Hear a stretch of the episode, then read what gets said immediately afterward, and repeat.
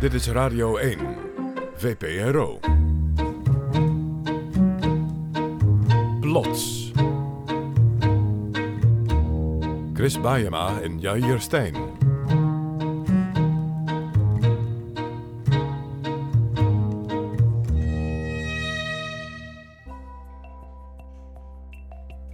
Oké, Chris. Jij mag het zeggen. Ik mag het zeggen. Ehm, dit is een speciale uitzending van Plots, namelijk met extra's. Ik, denk dat we niet elke keer kunnen zeggen dat we speciale uitzendingen Nee, maken. maar dit is materiaal wat ehm, wel is opgenomen en Mhm. gemaakt is, maar nog niet eerder in Plots is uitgezonden omdat er geen ruimte voor was. De kliekjes. Nee, niet klikjes. Ja, dat is dus het gevaar, Jair. Dat je denkt, klikjes, want dan moet ik denken aan de boerenomelet van mijn moeder. Dat ze dingen over had en dan de volgende dag serveerde met een geklutst ei er doorheen. Maar dat doen we niet. Je moet het zo zien, plots, zie plots als een menu. En soms moesten we een menu samenstellen, maar dan hadden we twee desserts. Die waren allebei prima, maar het ene dessert paste net iets beter in het menu. En we hebben nu tijd om dat andere dessert uit te serveren. Ja, even voor de duidelijkheid. Normaal plots wonderlijke ware verhalen rond één thema. En nu dus vandaag wonderlijke ware verhalen rond verschillende thema's die we eerder hebben behandeld. Lijstjes, weldoeners, Nieuwe huisgenoot en mijn ware ik. de plots potpourri bonusaanbieding. En dat is het? Gewoon een- mix van verhalen? Mix van verhalen, maar de plotsmakers maken ook minuten. Dus mini-documentaires. En daar hebben we er ook een paar van uitgekozen die passen bij eerdere thema's. Dus extra's bij de extra's Ja. eigenlijk. Is het nog duidelijk? Ja, hoewel ik niet denk dat we de menu-metafoor nog lang kunnen volhouden. Nee, zullen we gewoon maar beginnen? We beginnen met een minuut of met een lang verhaal? Met een minuut.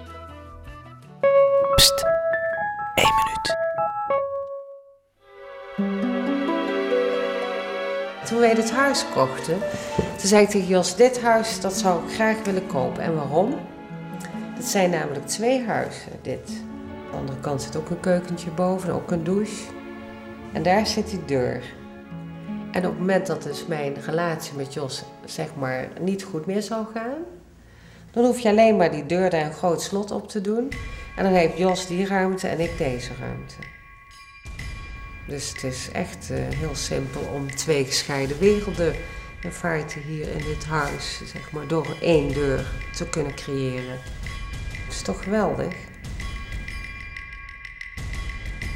Op het moment dat het niet gaat, hoef je alleen maar die deur dicht te doen. En het feit dat het kan, dat maakt al dat je die ruimte voelt. En dat gevoel misschien alleen al, dat maakt het mogelijk om eh, gewoon je leven samen te delen. Eén minuut was dat, gemaakt door Jennifer Patterson. Een minuut die wij wel vonden passen binnen het thema De Nieuwe Huisgenoot. Ja, en je vraagt je meteen af, wat gebeurt er als je geen sloot op je deur hebt? Want soms lukt het gewoon niet om de mensen dan buiten te houden. Daarbij komen we meteen naar onze eerste extra acte. De plotsakte, Vakantiehuis. gemaakt door Laura Stek. Ik zag ze als een enorme bedreiging van mijn vakantie. Ik dacht echt, deze vakantie is nu helemaal verpest.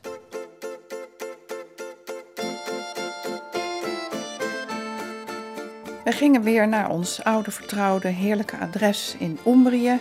Een mooi oud huis met een prachtig uitzicht, heerlijk eigen zwembad. Je kunt er echt heerlijk zijn.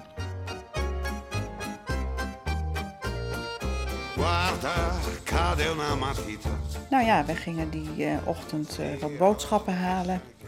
En we kwamen terug met de boodschappen. En op een gegeven moment eh, gingen we naar binnen. En de wc was op slot. Ik zei, goh, wie zou er nou op de wc zitten? Hè, mijn zoon had ik net gezien, mijn man had ik gezien. En ineens ging de deur open. Komt er een boomlange getatoeëerde vent naar buiten. En ik zei, what, what are you doing here? And this is our apartment and our toilet and uh, it's not yours. En hij beende weg met zijn met zijn korte broek. Nou, ik was helemaal stupif, hè? En eh, nou, toen bleek dus dat die andere man, die ik ook al daar uit mijn appartement had zien komen, dat dat wel klopte. Die was daar ook al naar de wc geweest. De beheerster was er niet. Dus eh, we gingen verder met uitpakken. En eh, op een gegeven moment komen allemaal eh, kampeerwagens het terrein oprijden. Met, met ja, met jongeren erin. En ik, nou, ik zei tegen mijn zusje, dit is toch geen camping geworden? En, en de ene naar de andere tent werd opgezet naast ons, vlak pal tegen ons appartement aan.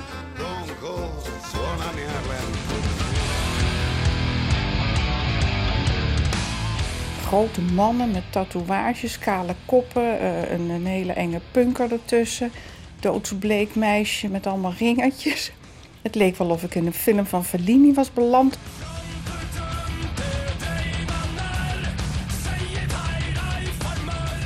Bleek dus om een groep delinquenten te gaan uit Denemarken. Die dus van alles op een kerfstok hadden. En die dus eh, voor het eerst eh, met vakantie zouden gaan om te leren eh, hoe ja, normale mensen normaal op vakantie gaan. En dat was dus de allereerste keer dat ze dat zouden meemaken. Die dus met begeleiders een ballonvaart zouden begeleiden. Ze konden dus zelf helemaal niet ballonvaren, maar ze moesten dan eh, ja, gesocialiseerd worden. Daar kwam het op neer. En dat socialiseren gebeurde dan dus wel eh, naast ons eh, mooie huis in, in Umbrië.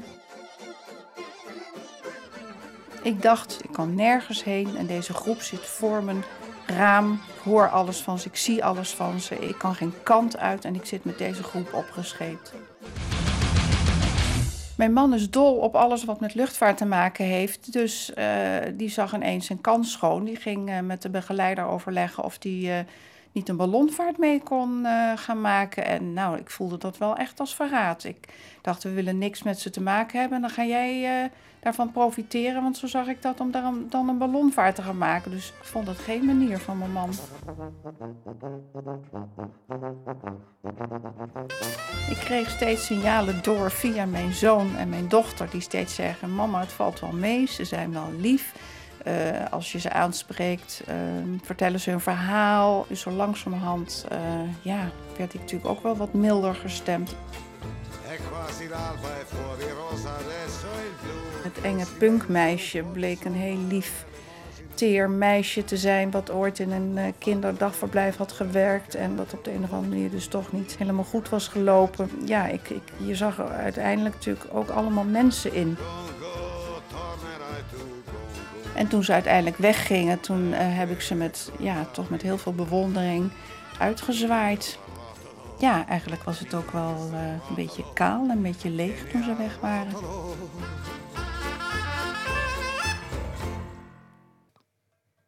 Pst, één minuut.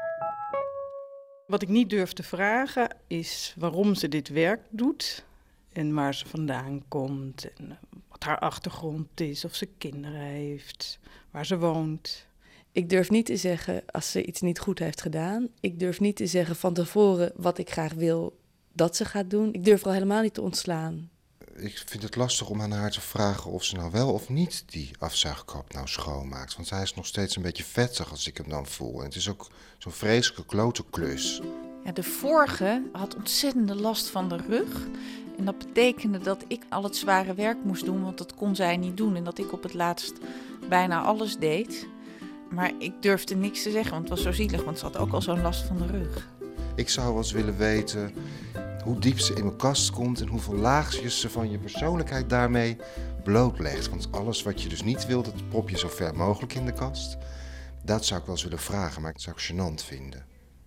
Een minuut gemaakt door Katinka Beer. We zitten nog steeds binnen het thema de nieuwe huisgenoot, volgens mij. Ja, maar jij hebt een huishoudster, toch, Jair? Ja, ik, het erg is, ik weet ook waarom je er naar vraagt. Want, Omdat ik jou heel vaak zie lopen met de hond Ja. op het moment dat ze binnen is. Dat klopt, toch? Ja, het erg is, iets van drie uur lang binnen. Ja, en ik ben buiten dan. Ik ja, vraag kan er gewoon, af, ik, ja, ik weet ik kan Wat doe je als het tegen. regent? Wat doe je als het regent? Dan wordt de hond heel erg nat en ik ook. Ja, of we zoeken een hondvriendelijk café op en gaan daar zitten. Ik, ik kan er gewoon op een manier gewoon heel slecht tegen. Ik voel me als een soort slavendrijver als ik thuis zit en iemand om mij heen aan het schoonmaken is. Maar je kan ook weer niet te lang wegblijven, Jair.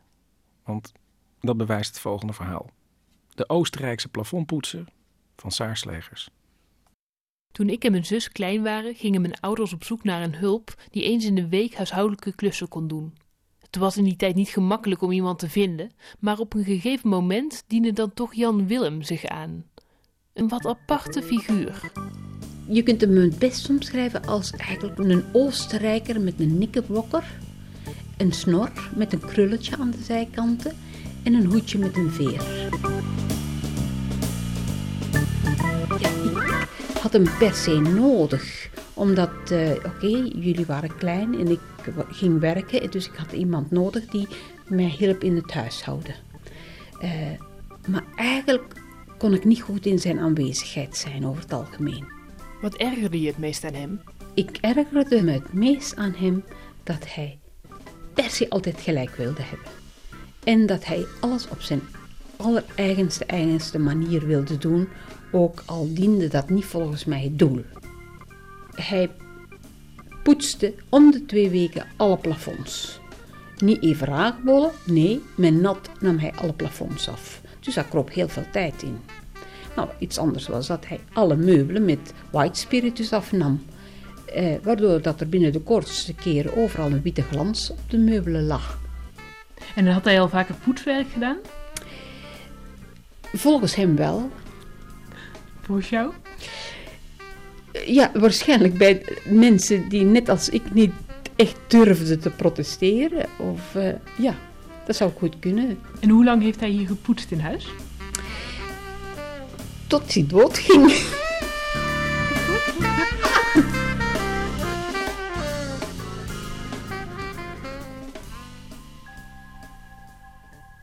Het was op een zomerdag dat ik thuis kwam van mijn werk. Ik kwam zo rond half vijf s'avonds thuis.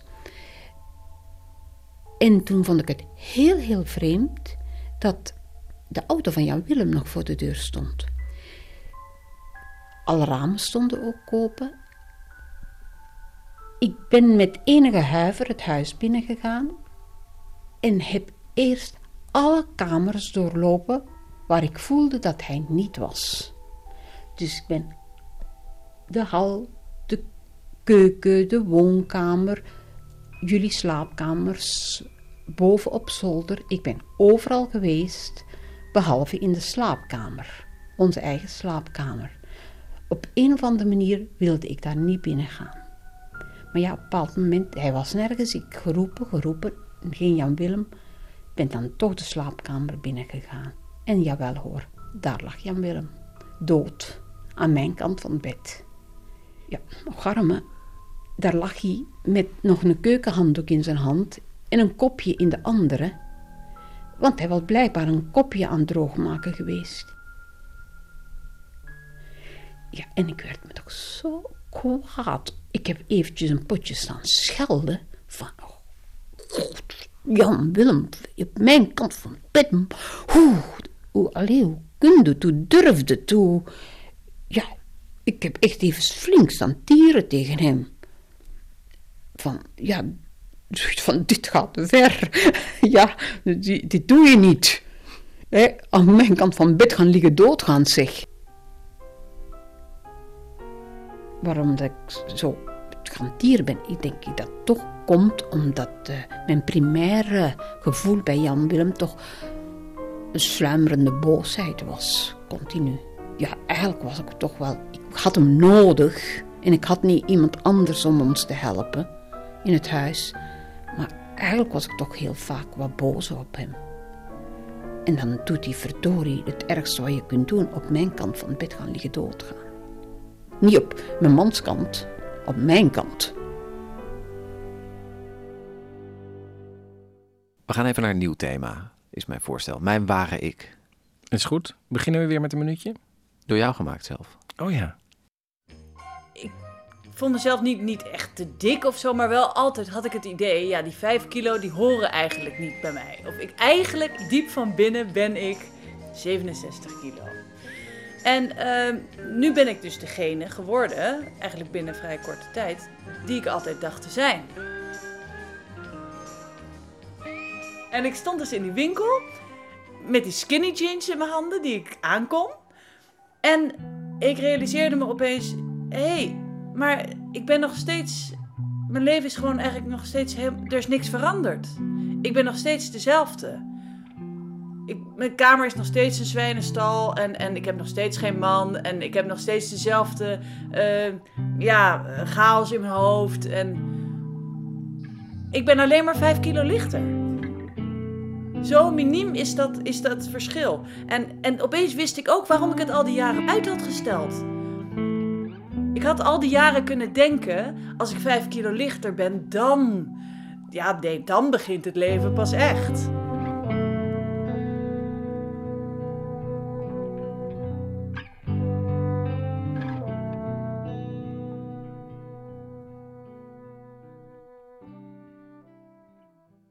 Het thema Mijn ware ik bleek zo inspirerend dat het volgende verhaal zelfs na de uitzending werd gemaakt. Ja, een paar weken later door Lemke Kraan, getiteld De Vrienden van de Dokter. Ik was uh, stage aan het lopen op een middelbare school. En uh, ik mocht daar een les geven over genetica. En ik was aan het uitleggen dat als je iemand uh, bloedgroep A had en zijn partner had bloedgroep O, dat daar nooit een B uit zou kunnen komen. En op dat moment dacht ik, hé, hey, maar dat, dat is bij mij wel het geval. Bij mij is mijn moeder A, mijn vader is O, ik ben B, hier klopt iets niet.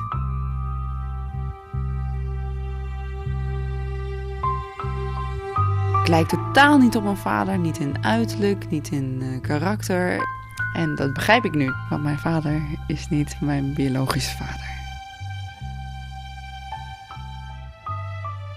In eerste instantie dacht ik dat er een heleboel dingen op zijn plek vielen. Dat uh, dingen waarom ik anders was uh, dan de rest van mijn familie, nou, dat dat nu opeens een verklaring had en een oplossing. Dat dat allemaal uh, van mijn biologische vader kwam. Mijn moeder die is schooljuf, mijn vader is ambtenaar. En ik merkte al heel snel dat tijdens mijn VWO dat ik moeilijk met bepaalde dingen terecht kon thuis als men naar het nieuws zat te kijken of zoiets, dan, um, dan had ik daar meteen een mening over. En dan wilde ik daarover discussiëren, over praten en dat dat niet kon. En daar, was, daar was helemaal geen behoefte aan. Ik heb soms ook vaak het idee dat ze dat helemaal niet begrepen, dat wat ik zei. Dat ze dan, nou, die lul maar wat, uh, die zeg maar wat. In, die zin heb ik altijd gevoeld dat ik een vreemde eend was in de familie.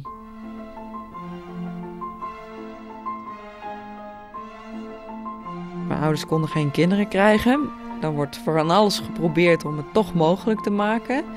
En als het dan nog steeds niet lukt en het blijkt niet aan de vrouw te liggen, dan is er nog één andere oplossing, zei de dokter. En dat is dan uh, zaaddonatie. En uh, deze man had er wel een oplossing voor, want hij had zelf een soort zaadbankje uh, had hij bedacht. Want hij kon zich wel voorstellen dat die vrouwen natuurlijk niet zomaar iedere donor wouden nemen. Die wouden ook uh, een beetje een, knappe man en een beetje een intelligente man. Hij wierf die donoren onder zijn vrienden. En die werden dan toch wel een beetje geselecteerd op uiterlijk en sociale status. Al dat soort dingen. Het waren wetenschappers, kunstenaars, belangrijke kunstenaars, dominees moeten daartussen zitten. Ja, daar ben ik dan het resultaat van.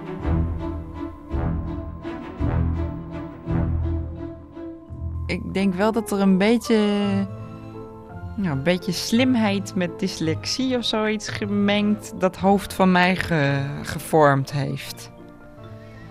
En als, als deze man inderdaad een wetenschapper was, of een, een, een, een, ook een bioloog, of een. Dan kan ik, me, kan ik me dat heel goed voorstellen dat hij net zo'n hoofd had als ik. Ik fantaseer wel eens over hoe hij eruit ziet. En dan kijk ik in de spiegel. En dan, uh, dan, zie, dan kijk ik naar alle dingen waarin ik op mijn moeder lijk.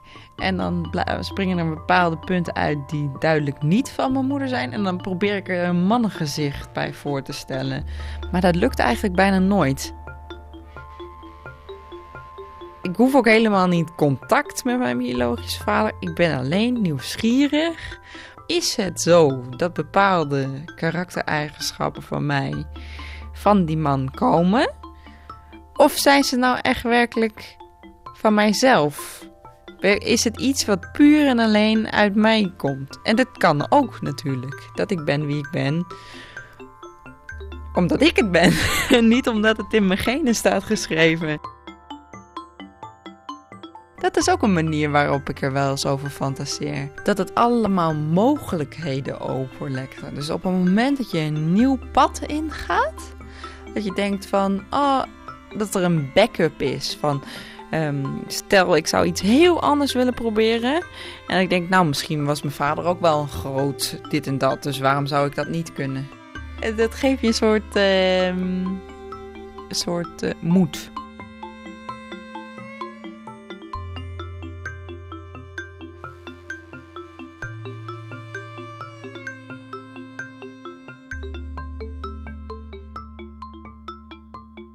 Je luistert nog steeds naar Plots, dit keer met extra's, extra verhalen die we in vorige afleveringen niet kwijt konden. En voordat we verder gaan, wil jij nog even een oproep doen, Jair? Ja, want wij starten met een nieuwe serie Plots volgende maand. Eerste aflevering Knuffels en de tweede aflevering, daar zoeken we nog verhalen voor. De erfenis.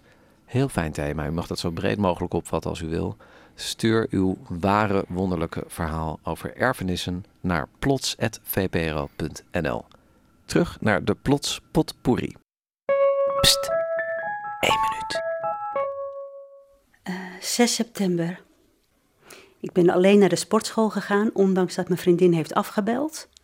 Ik heb mijn administratie op orde gebracht. Ik heb mijn kledingkast opgeruimd. Elke avond eh, voor ik ga slapen, dan lig ik in bed nog even na te denken. En dan eh, laat ik altijd nog even de dag de revue passeren. En dan probeer ik altijd drie leuke dingen te herinneren die ik die dag heb meegemaakt. Eh, leuk geslaagd in de uitverkoop. Ik heb een leuk sms'je gekregen. Ik heb een- complimentje gekregen van een collega. Ja, het is niet altijd even makkelijk hoor, iets te bedenken. Soms ben ik daar best wel even mee bezig. Maar er zijn ook wel eens dagen dat ik met gemak wel vier of wel vijf momenten kan bedenken. En er zijn ook momenten dat ik soms niks kan bedenken. Dus dan probeer ik eh, uit mijn reserve te putten. En dan denk ik daaraan, ja. Eigenlijk speel ik een beetje vals. Een klein beetje. Ja. Maar goed, het helpt.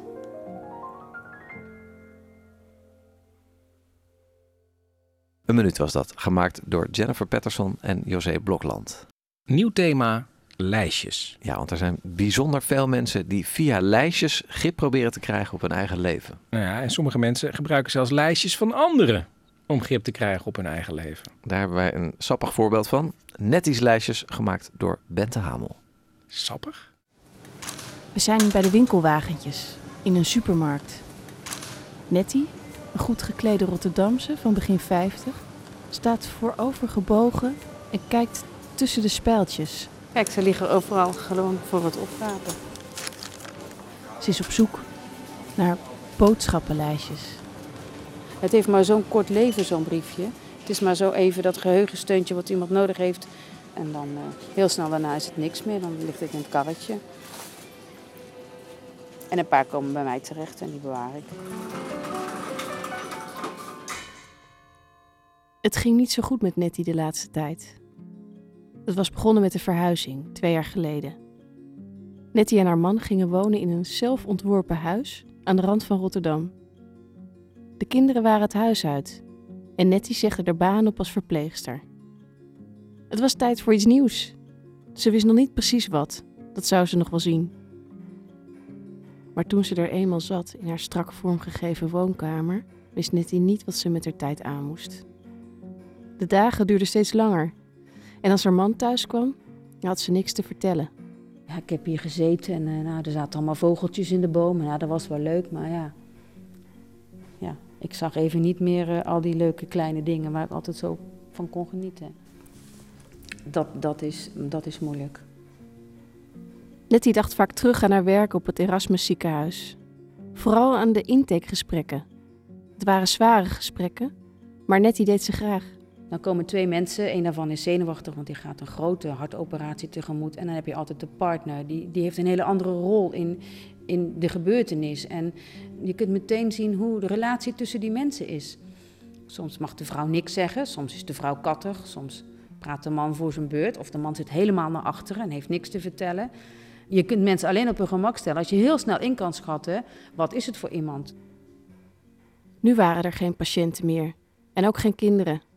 Nettie werd steeds somberder. Moest ze teruggaan naar het ziekenhuis? Zo liep ze op een dag te tobben in de supermarkt. Ik trok mijn karretje en ik zag dat briefje liggen en ik dacht, hè? Dat was dus een uh, op de computer gemaakt briefje met al meteen een verdeling van de week erop. Dinsdag, woensdag, donderdag, gewoon voor de hele week al gepland wat er gegeten wordt. Het was zo'n georganiseerd briefje.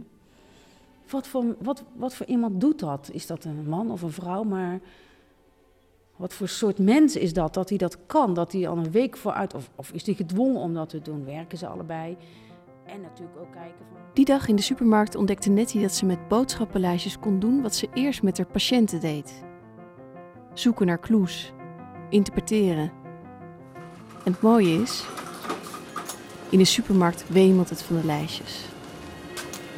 Kijk, zie je, hier ligt er ook alweer één. Hier. Het is netjes afgescheurd. Het is een net, net handschrift. Twee uh, fine tomatoes, two coriander, two carrots, jalapeno, limes, white celery. Dan staat er slagroom. Dat is wel geprobeerd om in het Nederlands te schrijven.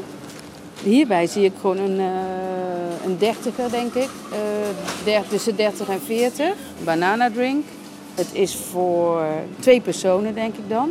Pack of cut beef. Ja, ik had dus een, een blonde vrouw eigenlijk in mijn gedachten. Ja. Wat vertellen onze lijstjes eigenlijk over wie we zijn? Nettie gebruikt elke mogelijke aanwijzing om conclusies te trekken. Ik heb ook een briefje dat ik denk van, goh, is die vrouw al gelukkig? Daar staat dus uh, boodschappenlijstjes en daardoorheen is een soort van to-do-lijstje gemaakt. Dus er staat er uh, melk en dan uh, laptop wegbrengen, vuilnis wegzetten, suiker. Alles door elkaar. Alsof ze dingen afsluit. Dat vond ik ook heel bijzonder. Af en toe gaat Nettie met een gevonden lijstje terug naar de supermarkt en koopt de dingen die erop staan. Thuis kookt ze dan een gerecht van de ingrediënten op het lijstje. Nettie ziet het allemaal als iets onschuldigs, maar sommige van de vriendinnen denken er anders over. Oh, nou, ik had pas wel iemand mij, ja, die zei, joh, doe normaal, weet je wel. Wat, wat is een lijstje? Die vond het echt een beetje vreemd. Maar ja, dat vind ik ook helemaal niet erg, dat, uh, dat kan. En wat zeg je dan? Ik zeg, nou, maar ik adopteer ze. Op een gegeven moment is je gesprek ook afgelopen. Nettie gaat nu elke dag naar de supermarkt. Boodschappen doen is iets geworden om naar uit te kijken. De lijstjes bewaart ze in een map. Een map vol verzonnen mensen. Kan het dat die lijstjes ook een manier zijn om naar jezelf te kijken? Uh, ja, het is, het is een soort spiegel. Omdat, je, omdat het je eigen fantasie is die je erop projecteert. Nou ja, het zet je wel tot nadenken. Maar dat briefje vond ik op het moment dat ik zelf natuurlijk met van alles bezig was. Net die pakte de lijst erbij waar ze het eerder over had. Waarin ze een vrouw zag die dingen afsloot. Laptop aan Heidi geven. Hier geeft ze ook wat weg. Ik dacht wel van, nou ja, iemand kan of in een scheiding liggen dat het zo dramatisch is dat je alles afsluit. Of je kan gaan verhuizen naar het buitenland. Maar dat kwam op dat moment niet in mijn hoofd op. Dat ik dacht dat het ook iets leuks zou zijn. Het voelde niet uh, positief. Ja, Nee, het voelde echt, uh, ja. En dat kwam misschien door hoe je jezelf voelde op dat moment? Uh, ja, absoluut. Wij waren aan het verhuizen en we hadden ook dingen afgesloten. En dan was ik zo onbevangen ingestapt. Zo, zoals ik dat natuurlijk in heel veel dingen altijd had gedaan. En nou, dat, dat, ging, dat ging anders. Het nieuwe huis, het nieuwe leven, het begint te wennen. Nettie voelt zich weer vrolijker. Net als de mensen van haar lijstjes. Ook daarmee lijkt het de laatste tijd stukken beter te gaan. Ja, ik had pas ook weer zo'n leuk lijstje van iemand die dan echt haar haar ging verven en uh, een maskertje ging nemen. En, oh, en ze ging ook de kleren nog uitzoeken, kleren klaarleggen. Nou, dat zie ik al helemaal voor me. Ik zag nu een, wat, uh, een, uh, gewoon een middelbare vrouw voor me die, uh, ja, die dan in bad gaat en zich helemaal op gaat tutten. En ja, er gaat wat gebeuren.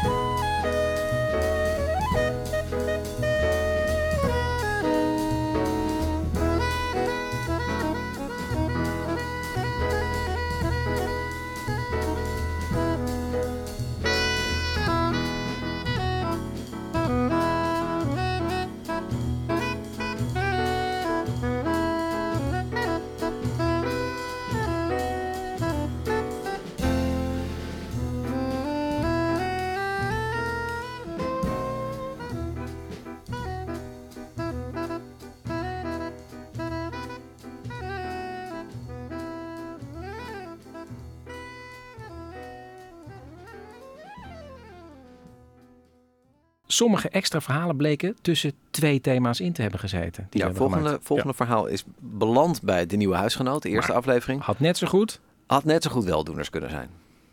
Meneer X, gemaakt door Laura Stek.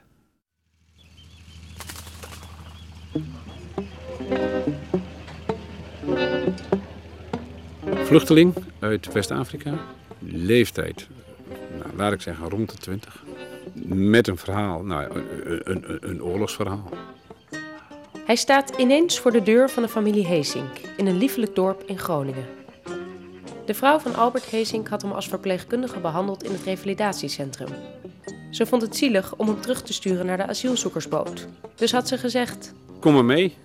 En eh, s s'avonds uh, stonden ze hier voor de deur. En uh, waren we in één keer een bewoner rijker in, uh, in dit huis. En we hebben een kamer leeggemaakt en dat is zijn kamer geworden.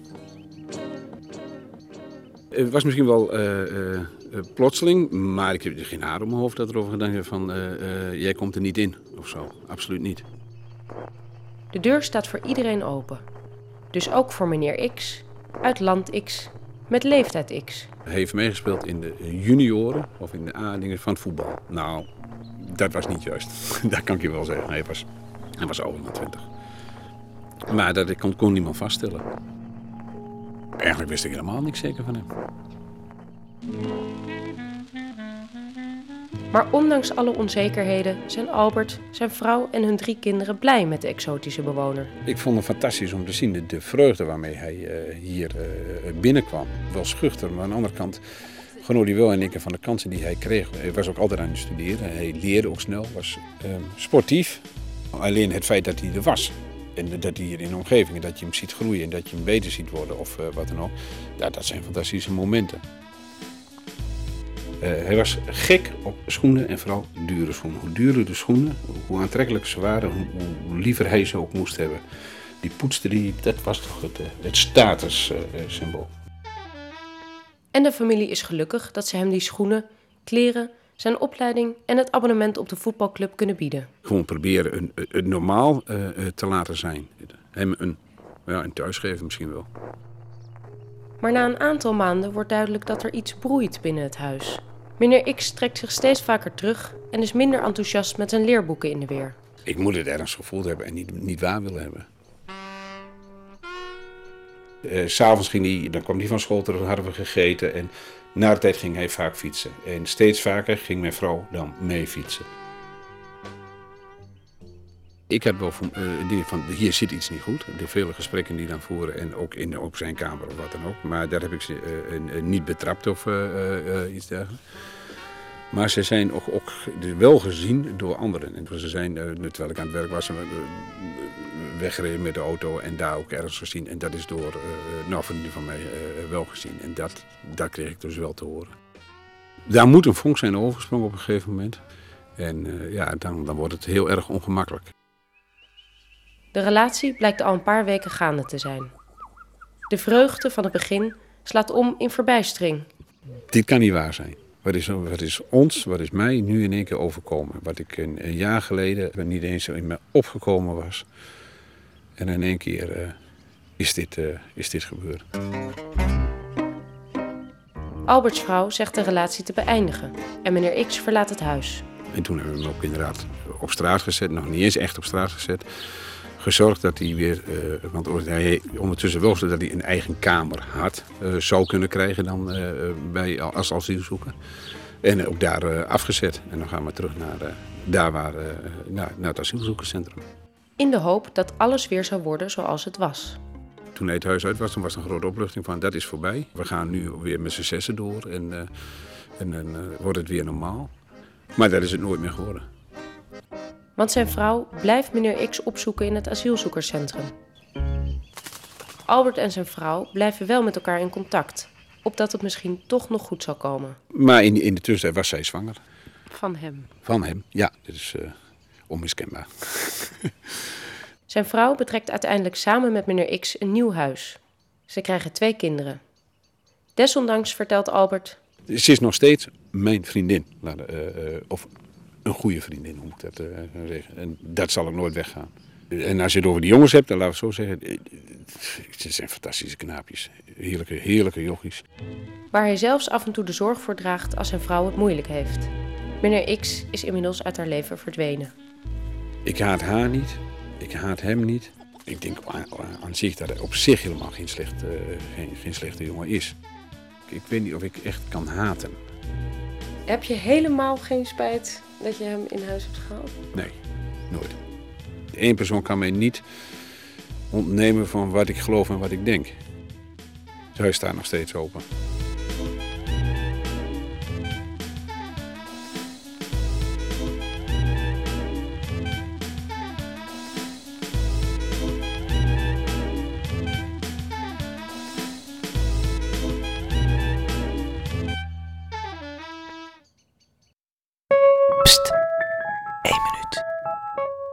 Dit is van de Telegraaf. Dit is de politieagent die toen in Zeist op het station is neergestoken met een mes. En die was totaal vanaf de borsthoogte verlamd. Er kon helemaal niets meer. En ze vroeg ook of de agent een keertje wilde schrijven. Nou, dat heb ik ook gedaan. Hallo meneer Rob, heeft u ook een beetje kunnen genieten van het mooie weer? Kunt u alweer iets meer op eigen kracht? Ik hoop het zo. Het heeft me echt heel erg aangegrepen. Ik ken de man helemaal niet, maar het, zit toch altijd in mijn gedachten. Ik ga nog altijd kijken voor een mooie kaart en, en dan ga ik nog wel iets bedenken. Ik wil toch even niet enkel te groeten en dag. Ik wil er altijd iets bij schrijven. En hopen dat het in de toekomst steeds een ietsje beter wordt. Ja, het is toch het idee ook dat er iemand nog aan je denkt. Groeten en konings. Dit was een minuut gemaakt door Bente Hamel. En tot slot een bijzondere uitsmijter, getiteld Een kleine weldoener. Kort verhaal, gemaakt door Tjitske Musche.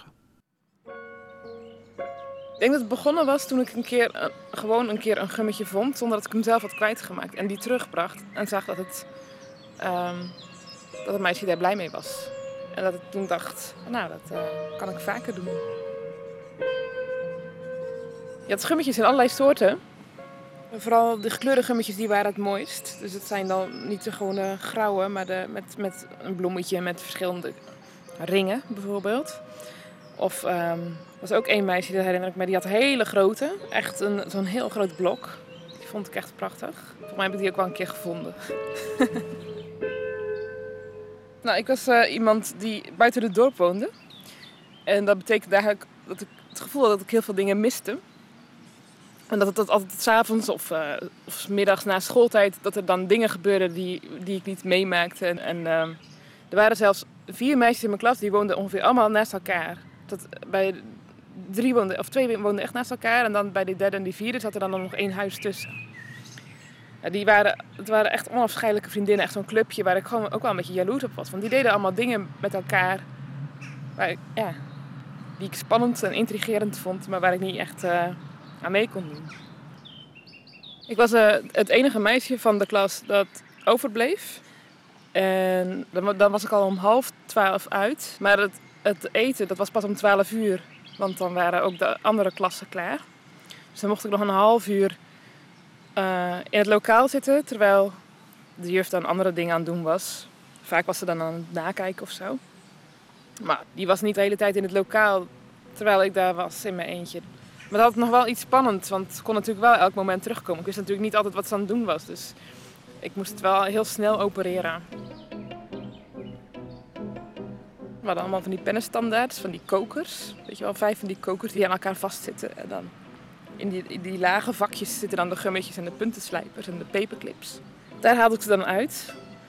En die bewaarde ik dan in mijn eigen laadje. Maar ik zorgde natuurlijk wel dat ze dan niet meteen voor de pak lagen. Je moet, er lag wel een papiertje overheen. Niet iemand ze kon vinden per ongeluk. Tot eh, iedereen wist dat er een gummetje verdwenen was en niemand kon vinden. En dan op een gegeven moment had ik hem in mijn hand. En dan ehm, liep ik in een beetje in de buurt van het tafeltje waar die vandaan kwam. En dan zei ik, oh, hier ligt hij. En dan pakte ik hem zo en dan gaf ik hem eh, terug aan eh, het betreffende meisje.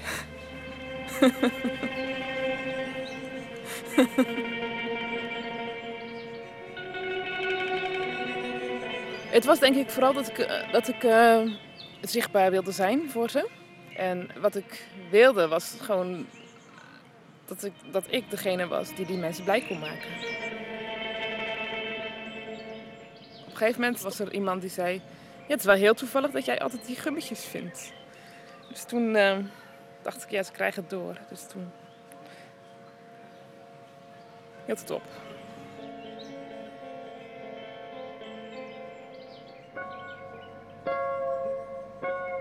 Uiteindelijk was het natuurlijk de bedoeling dat ik eh, ook aandacht kreeg van die, van die vier meisjes. Maar die hadden het vooral leuk met elkaar. En eh, ik ben eigenlijk nooit bij het clubje van vier gaan horen. Het is nooit uitgebreid tot vijf.